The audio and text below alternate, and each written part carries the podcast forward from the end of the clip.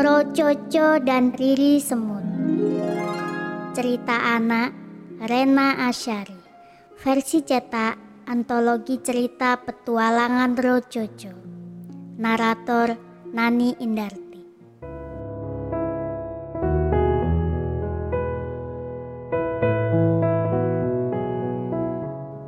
Di suatu pagi yang indah Rococo asik membaca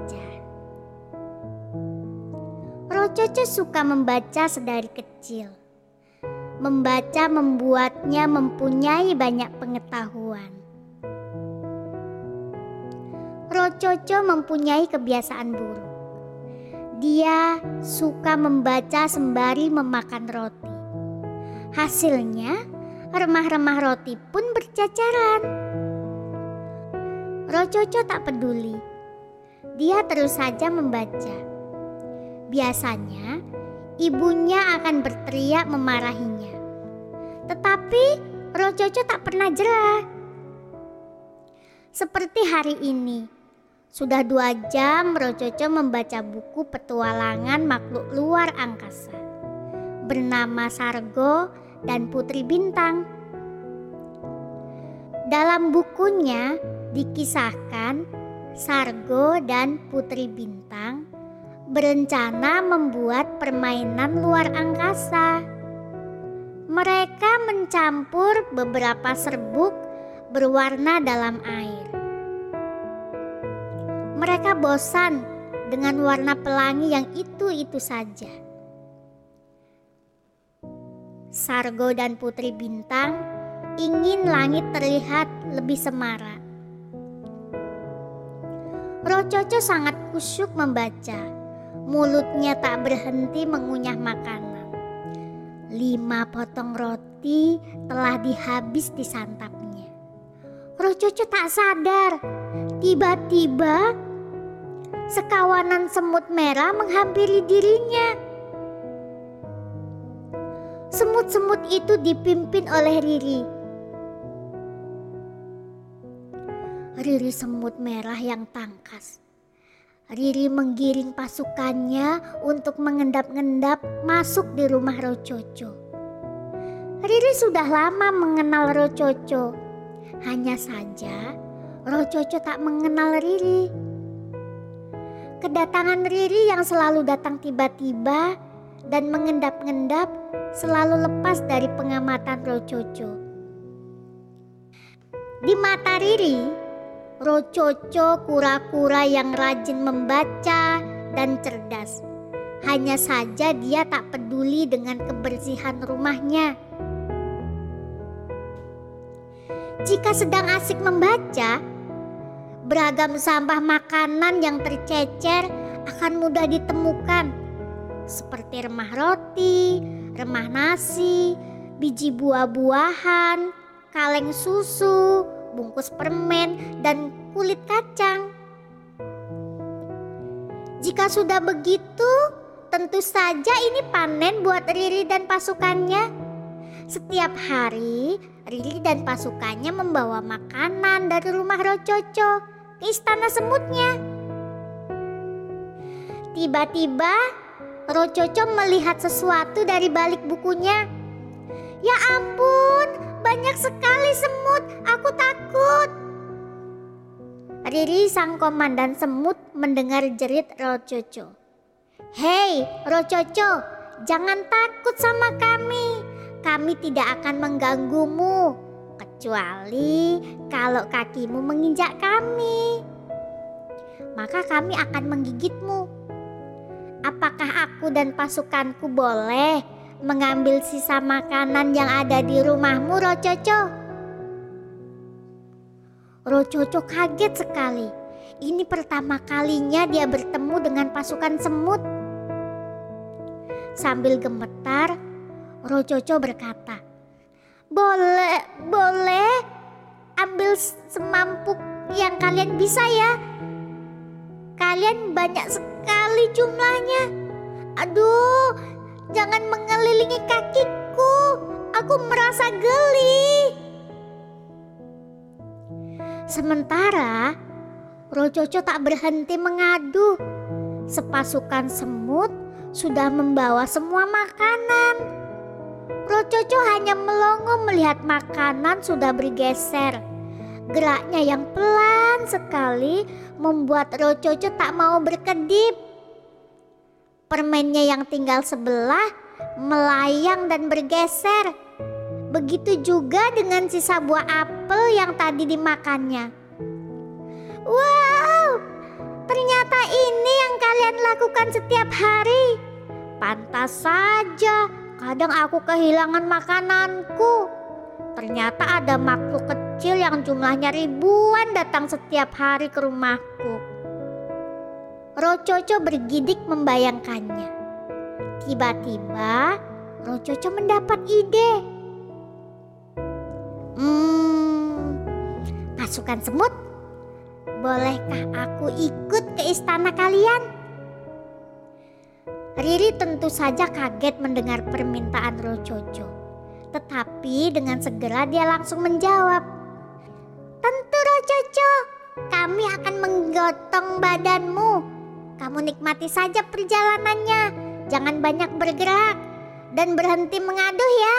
Ayo pasukan semut, Bersiap, kita angkat tubuh Rococo. Rococo terlihat bingung, tetapi dia senang sekali. Pasukan semut mengangkat semua tubuh Rococo. Riri memberi aba-aba.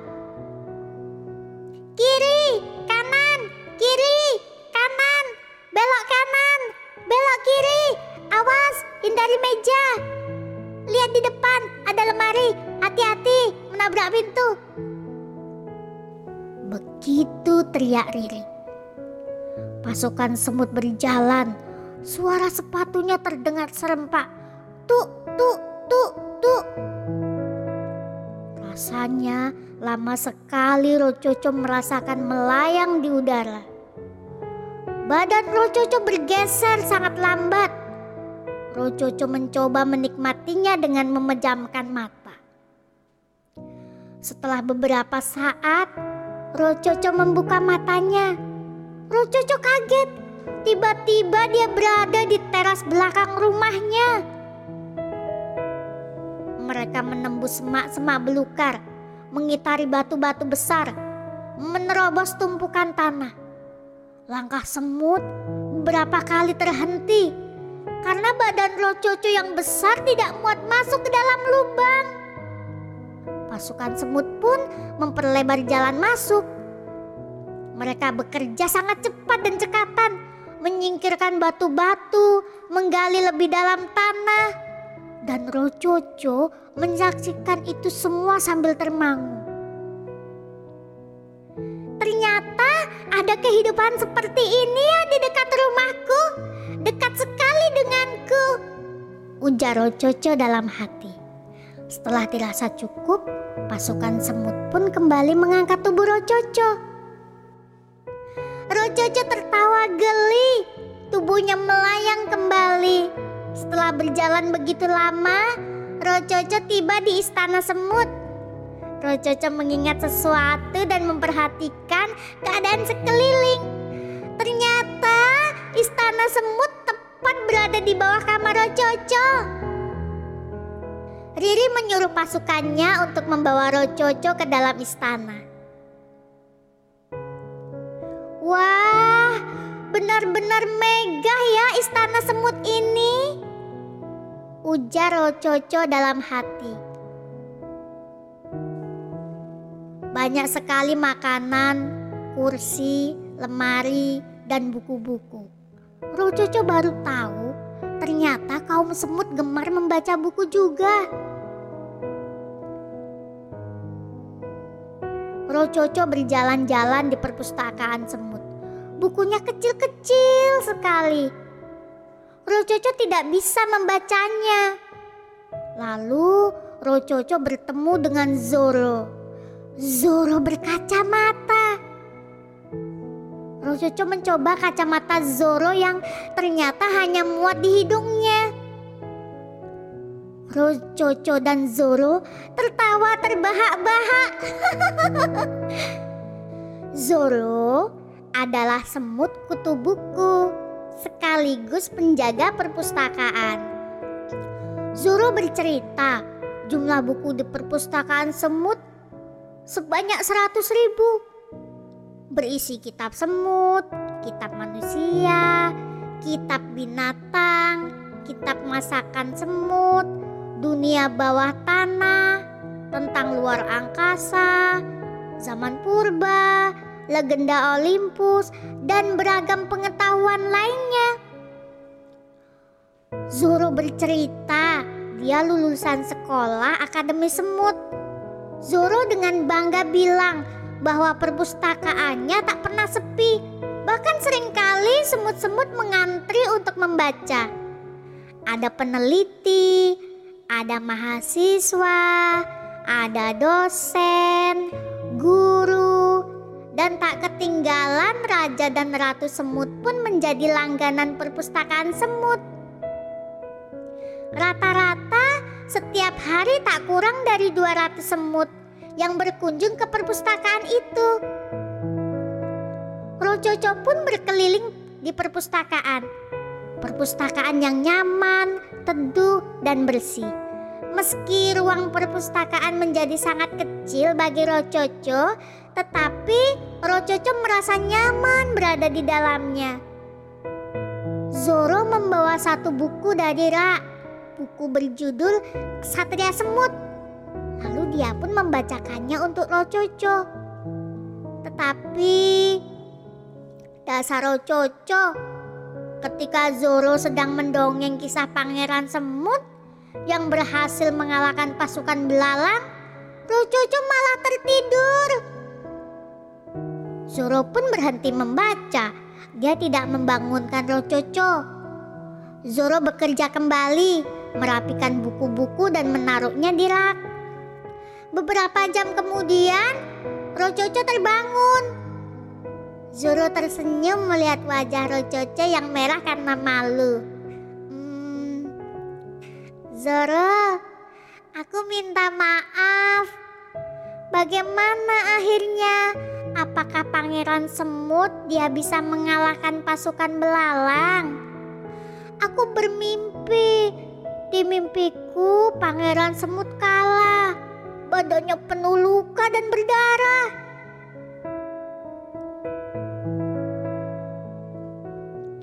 Pangeran semut tidak kuat untuk bangun Tiba-tiba datang semut tua yang baik hati dan memberikan ramuan pada pangeran semut.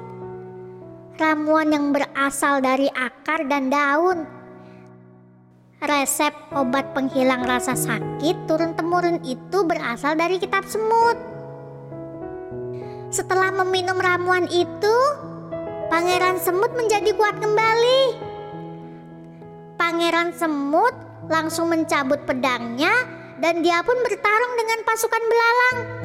Pasukan belalang yang sedang mengadakan pesta pun kaget.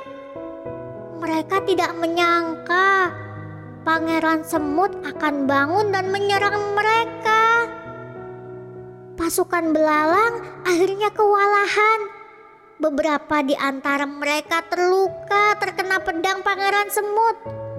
Pedang yang kecil tetapi sangat runcing Pasukan belalang pun menyerah, mengibarkan bendera merah putih. Pangeran semut akhirnya menang dan bahagia. Begitulah mimpi ke Zoro. Apakah sama dengan isi bukunya? Tanya Rojojo. Wah, mimpimu tepat sekali dengan cerita bukunya Rojojo. Kamu hebat.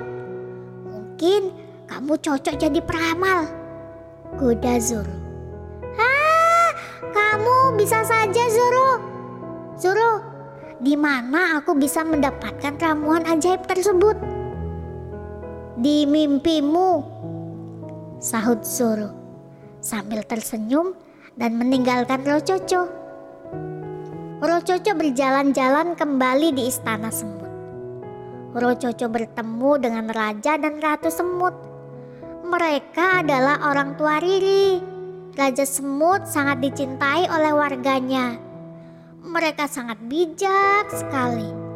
Rojojo takjub dengan istana semut. Rococo, silahkan menikmati hidangan. Ada banyak makanan di sini, buah-buahan segar, roti gandum, susu yang melimpah, sayuran segar, ikan dan daging juga ada. Beginilah kehidupan kami di sini, saling bergotong royong dan membantu sesama. Tak ada satu semut pun yang kelaparan. Kami semua harus berbagi ujar ratu. Rococo mendengar penjelasan Ratu Semut dengan seksama. Rococo malu. Dia suka berebut mainan dan makanan dengan adiknya. Hmm, tidak Ratu, itu kan sisa-sisa makanan yang ada di rumahku, sahut Rococo. Maaf ya, kami selalu mengambil sisa-sisa makanan yang ada di tempat sampah, juga makanan yang tercecer di rumahmu. Makanya Rococo, kalau makan harus dihabiskan, jangan tersisa. Nanti pasukan kami akan mengotori rumahmu. Ujar Ratu sambil matanya mengerling. Rococo bermain hingga puas di istana semut. Tak terasa hari sudah larut. Rococo harus segera pulang. Rococo pun pamit kepada seluruh semut. Zoro, Riri, Raja, dan Ratu. Rococo berjanji akan bermain kembali. Riri mengantar Rococo hingga pintu gerbang istana. Rococo tiba di rumah dengan perasaan lega. Dia langsung menghampiri adiknya yang sedang belajar. Rococo memeluk adiknya dan meminta maaf jika selama ini sering berebut mainan. Di dalam hati, Rococo berterima kasih berulang kali kepada Riri Semut yang mengajarkan tolong menolong dan Rococo berjanji tidak akan membuang makanan lagi.